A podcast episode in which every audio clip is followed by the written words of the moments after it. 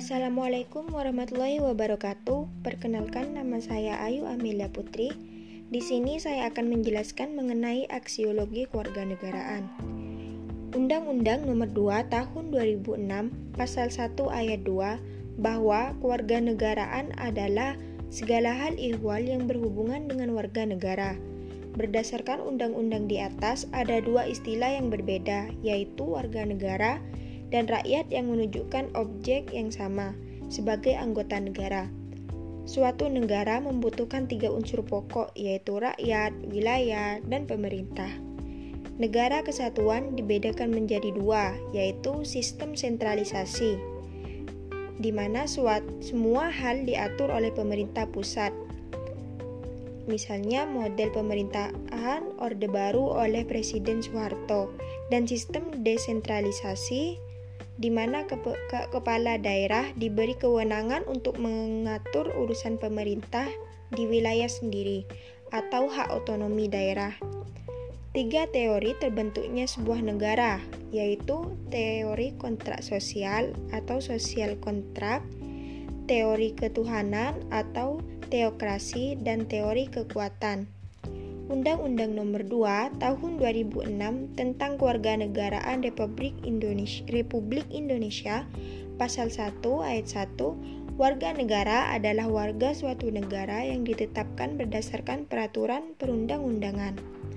Undang-Undang Dasar tahun 1945 yang secara gamblang mencantumkan hak serta kewajiban negara atas rakyatnya yang harus dipenuhi sesuai trias politika ala Montesquieu sebagai salah satu elemen penting dari demokrasi, di samping supremasi hukum. Faktor yang mempengaruhi identitas bangsa adalah faktor primordial dan faktor kondisional. Unsur penting pembentuk identitas yang terpenting adalah agama dan suku bangsa, kebudayaan, dan bahasa. Contoh identitas nasional dalam bidang ekonomi turut mendukung program peningkatan perekonomian lokal di Indonesia, bidang pengetahuan, menjaga kearifan lokal, dalam bidang pendidikan mengajarkan anak didik bangsa dalam menjaga kelestarian lingkungan seperti gotong royong. Pengertian dan definisi dari integritas sosial menurut Safreddin Bahar. Integ integrasi nasional diartikan sebagai upaya menyatukan seluruh unsur suatu bangsa dengan pemerintah dan wilayahnya. Pancasila sebagai landasan idil dan Undang-Undang Dasar 1945 sebagai landasan konstitusional strukturalnya dan bersifat bebas aktif.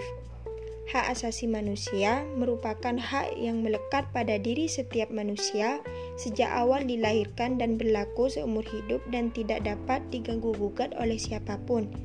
Teori hak asasi manusia, teori hukum alam yang mendasarkan pada moral, agama, atau bersifat kebiasaan. Teori kontrak sosial mempertahankan kebebasannya dan kebebasan orang lain. Teori relativisme budaya penyempurna, penyempurnaan di sekedar hak-hak politik. Di sini saya akan memba akan membahas juga tentang latar belakang dan masalah. Hak asasi manusia merupakan suatu hal yang sangat penting dalam kehidupan umat manusia. Setiap manusia yang, yang lahir sudah melekat hak asasinya orang lain tidak dapat tidak dapat mengganggu hak asasi masing-masing individu. Oleh karena itu, hak asasi harus dipahami oleh setiap orang. Karena begitu pentingnya, hak asasi manusia dijadikan sebagai salah satu materi dalam perkuliahan pendidikan Pancasila dan kewarganegaraan.